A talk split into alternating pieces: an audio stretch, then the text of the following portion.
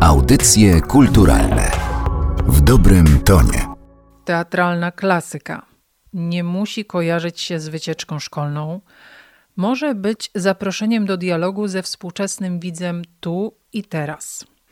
Jedną z form wspierania teatralnych twórców, którzy sięgną po teksty powstałe przed rokiem 1982, jest konkurs Klasyka Żywa.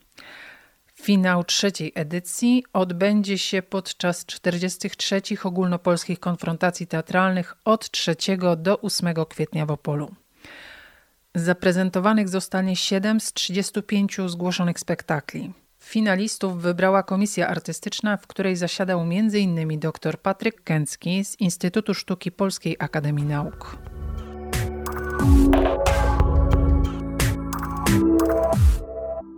W jednym z orędzi na tegoroczny Dzień Teatru, orędziu europejskim Simona McBurneya, czytamy Teatr istnieje wyłącznie w teraźniejszości. Chwila obecna jest zawsze myślą przewodnią teatru, a my rozmawiamy o klasyce, ale konkurs Klasyka Żywa potwierdza, że klasyka teatralna to tu i teraz. Oczywiście, bo chodzi o to, żeby to był teatr współczesny, ale po prostu wyrastający z przeszłości, żeby był korzystający z tej tradycji, no i sięgający także w przyszłość, także taki teatr, który jest teraz, ale rozpina się w obydwie strony. Spektakle zgłoszone do konkursu z 2017 roku. Przyglądamy się tym spektaklom i możemy zobaczyć też, którzy autorzy z klasyki cieszą się zainteresowaniem twórców. Ja już jestem trzeci raz w tej komisji artystycznej, więc mam takie spojrzenie no, szersze i w gruncie rzeczy szczególnie twórców interesuje jednak taki kanon literacki, czyli autorzy, którzy najczęściej się pojawiają to są Adam Mickiewicz, Juliusz Słowacki, Aleksander Fredro, Witkacy, Gombrowicz, Wyspiański. I jeszcze Zapolska. Też. To i cieszy z jednej strony, no bo kanon ten jest ciągle żywy, ale wydaje mi się, że mało poszerzana jest ta pula tekstów i autorów. Rzadko teatry zgłaszają, w ogóle rzadko wystawiają teksty autorów mało znanych. To były no, rzadkie przypadki wystawienia Mikołaja z Wilkowiecka, Franciszka Bohomolca czy księdza Chmielowskiego na przykład na podstawie jego encyklopedii spektaklu. Natomiast najczęściej są to tacy autorzy znani, tacy, według których spektakle mogą być adresowane do uczniów, podejrzewam, czyli jakby tutaj jednak mieszczenie się też w kanonie szkolnym odgrywa pewną rolę. Mniejsze ryzyko realizacji premiery. Z pewnością tak, no i w przypadku teatru w mniejszych ośrodkach pewność, jeżeli chodzi o odbiorców, my to no, bierzemy pod uwagę, że tak jest, że pewnych zmian nie da się dokonywać rewolucyjnie, natomiast ja liczę, ten festiwal dopiero uruchomiono jego czwartą edycję, więc jest dosyć młody. Ja liczę na to, że jednak po 10-15 latach będzie widać już takie efekty, że rzeczywiście reżyserzy zaczną też sięgać po autorów mało znanych i będą mogli mogli dzięki temu poszerzyć tą wiedzę widzów. Tylko, żeby odkryć klasykę, trzeba być poszukiwaczem. I teraz, czy we współczesnym polskim teatrze jest coś takiego jak poszukiwanie czegoś nowego w tym, co jest, wydawałoby się, stare?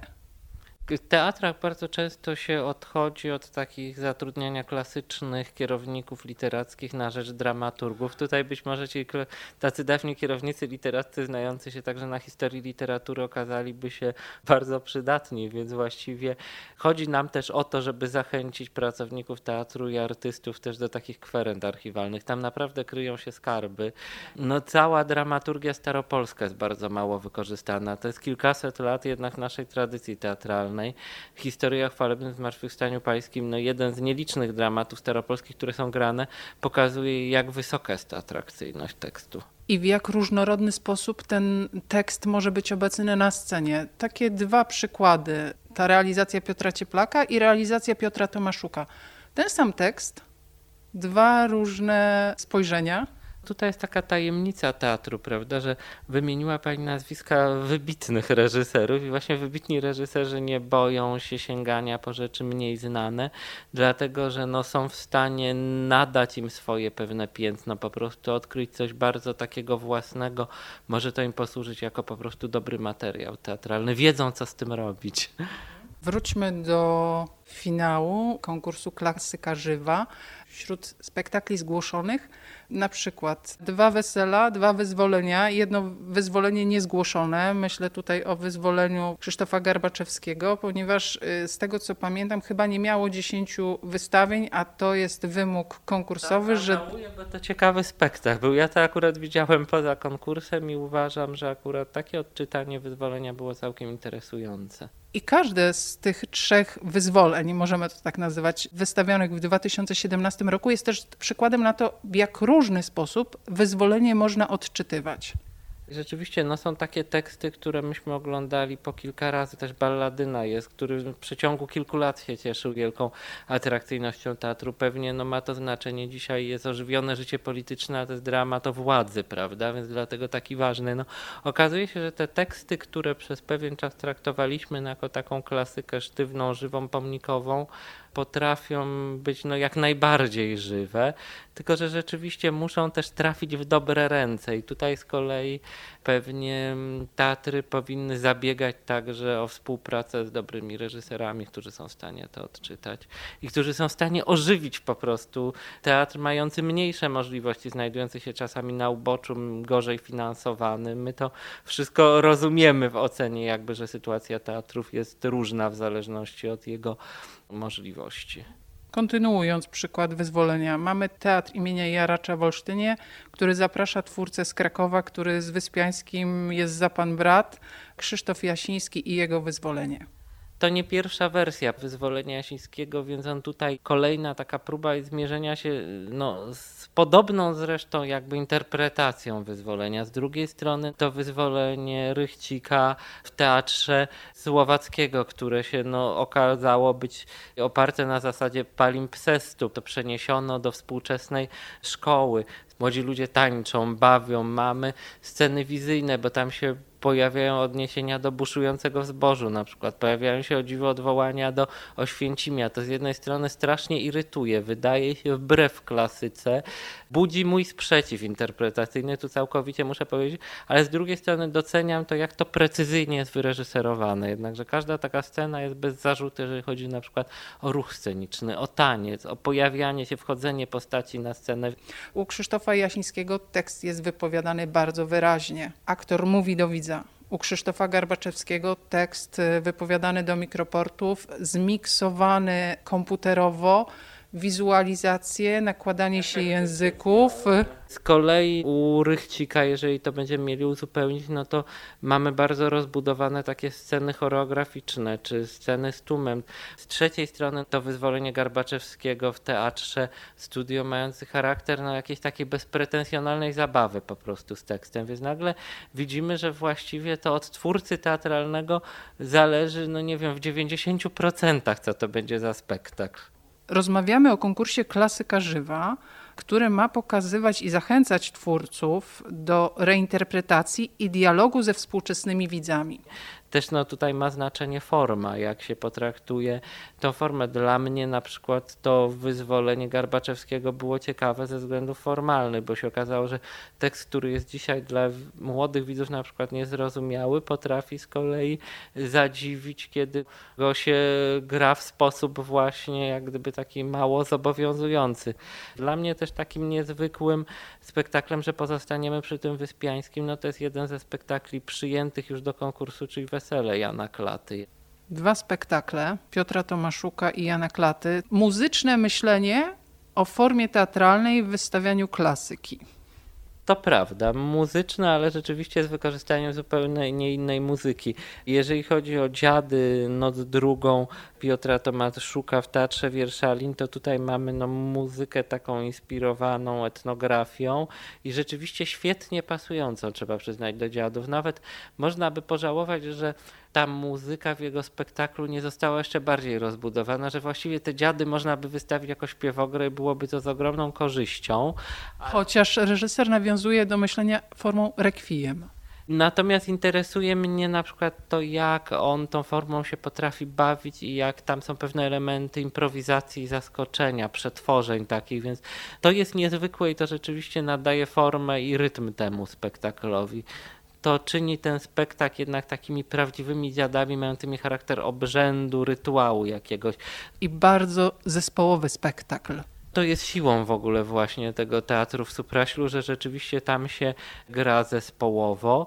Natomiast jeżeli chodzi o wesele Jana Klaty, no to tutaj mamy bardzo zaskakujący pomysł, czyli wykorzystanie zespołu grającego muzykę metalową z bardzo no takim też szorstkim, agresywnym wokalem, który to pomysł doskonale się sprawdza przy wystawieniu wesela, dlatego że no, skoro wesele jest utworem o pojawiających się duchach, no to jest dosyć upiorne. My jesteśmy przyzwyczajeni do tego tekstu i nie zwracamy uwagi na jego niezwykłość. Natomiast jakby ten środek pozwolił na pokazanie pewnej takiej upiorności i tej nocy i upiorności tkwiącej w naszej tradycji jednak, która jest tradycją narodu, który jest obciążony silną martyrologią, po prostu taką mieliśmy historię, tego nie możemy się wypierać i nie jesteśmy w stanie przed tym uciec, nawet gdyby to się nam nie podobało, więc mi się wydaje, że to jest doskonale trafiona forma do pokazania jakby tej naszej tradycji. Forma nowoczesna,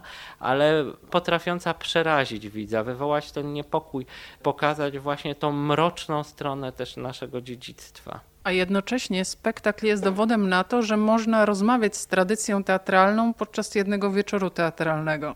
Można i mnie chyba najbardziej to, co zaskoczyło w spektaklu y, Jana Klaty, że wesele jednak jest takim tekstem wyjątkowo często wystawianym i wydawałoby się, że trudno o dobre pomysły reżyserskie, natomiast tam co chwilę się okazuje, że wszystko jest stawiane na opak, że są genialne po prostu pomysły no tego typu, że grane normalnie opozycyjnie Klimina i Radczyna jako kobieta ze wsi, kobieta miasta, tutaj po prostu są dwiema starymi kobietami, które po prostu ciągle trzymają się za rękę, chodzą razem, no mają wspólne tematy po prostu, bo są z jednego pokolenia, więc to jest bardzo twórcze odczytywanie teatru, kiedy się odchodzi po prostu od tych utartych schematów i nagle się okazuje, że wesele no, jest bardzo silne, kiedy się spróbuje je interpretować od innej, tej mniej tradycyjnej strony. Finaliści, których oglądać będziemy w Opolu, to między innymi chłopi, wspomnianego Krzysztofa Garbaczewskiego. Tak, z Teatru Powszechnego w Warszawie i słowo o Jakubie Szeli z Teatru Śląskiego. Tak? Na podstawie poematu Brunona Jasińskiego i to z kolei pokazuje niezwykłą siłę tej poezji w teatrze. Rzeczywiście y, najpotężniejszym wymiarem tego spektaklu moim zdaniem był sam tekst. To, co reżyser i aktorzy dalej postanowili z nim zrobić, okazało się sprawą wtórną. Jasiński okazuje się poetą niezwykle współczesnym. Jego fraza po prostu porywa i oszałamia, więc nagle przeniesienie tekstu poetyckiego do teatru też jest okazją do pokazania tej siły. Dla mnie też niezwykle ciekawą rzeczą jest ten tajny dziennik według Mirona Białoszewskiego zrobiony w Teatrze Dramatycznym w Warszawie, który też został zrobiony z bardzo dużą taką skromnością, że aktorzy jak gdyby użyczają swojej fizyczności właściwie tylko po to, żeby na scenie mógł zaistnieć Miron Białoszewski, co w połączeniu z autentycznymi fragmentami nagrań jego i z, ze zdjęciami, które się ukazują, no to mamy wrażenie, że przybyliśmy na jakiś seans spirytystyczny, gdzie po prostu rozmawiamy z żywym Białoszewskim, więc no, taki teatr i taka klasyka no, też muszą nas interesować.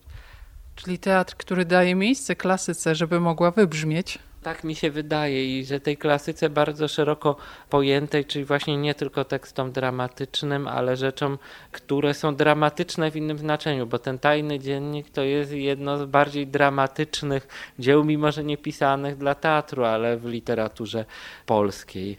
Czyli wystawianie klasyki jest też sprawdzianem dla twórców, czy potrafią odkrywać i myśleć nieschematycznie. Tak, najprościej mówiąc, to czy potrafią czytać, czy potrafią głęboko czytać, czyli po prostu czy widzą te wszystkie możliwości, które partytura teatralna im przynosi, bo dostają pewien tekst. Tu nie chodzi o udziwnienia, prawda, tylko chodzi o to, żeby, żeby rzeczywiście do, wydobyć z, z dramatu na przykład Wyspiańskiego to, co tam bardzo głęboko jest i co na przykład dotąd było w pewien sposób omijane, albo wydawało nam się oczywiste. Natomiast no, dobra literatura jest wymagająca, trzeba mieć dobre pomysły i trzeba mieć też, jeżeli chodzi o aktorów, dobry warsztat. A z tym warsztatem to już bywa różnie i nie myślę tu tylko o mikroportach. Podsumowując, polska klasyka teatralna to teatr współczesny, często tu i teraz, a na ile nowoczesne? Prawdziwa nowoczesność w sztuce, także w sztuce teatralnej, polega na nowoczesności formy, a nie tylko nowoczesności treści. Dzisiejszy teatr niestety grzeszy często łatwością, czyli sięganie po tematy, które kojarzą się z nowoczesnością, prowokowanie widza, natomiast brak formy nowoczesnej jest wielkim nieszczęściem. Te rzeczy, które czasami używają teatry, często powołują się na taką sztandarową swoją nowoczesność, a potem idziemy do teatru i widzimy coś, co naprawdę kojarzy się z jakąś XIX-wieczną formą. No, czujemy czujemy się wtedy oszukani. Nowoczesność nie polega na tym, że aktorzy siadają na krzesłach i rozmawiają po prostu na temat, który wydaje się współczesny. To jest oszustwo. A ta nowoczesna forma w teatrze przede wszystkim właśnie musi wyrastać z takich głębokich poszukiwań, które będą powodowały, że w teatrze jest coś naprawdę nowego, w nowy sposób powiedzianego, w nowy sposób pokazane, zmiana perspektywy, zupełnie jakaś zmiana taka, że widz jest korzystny sposób zaskoczony. Forma musi po prostu wynikać z autentycznych, głębokich poszukiwań artystów. Audycje kulturalne w dobrym tonie.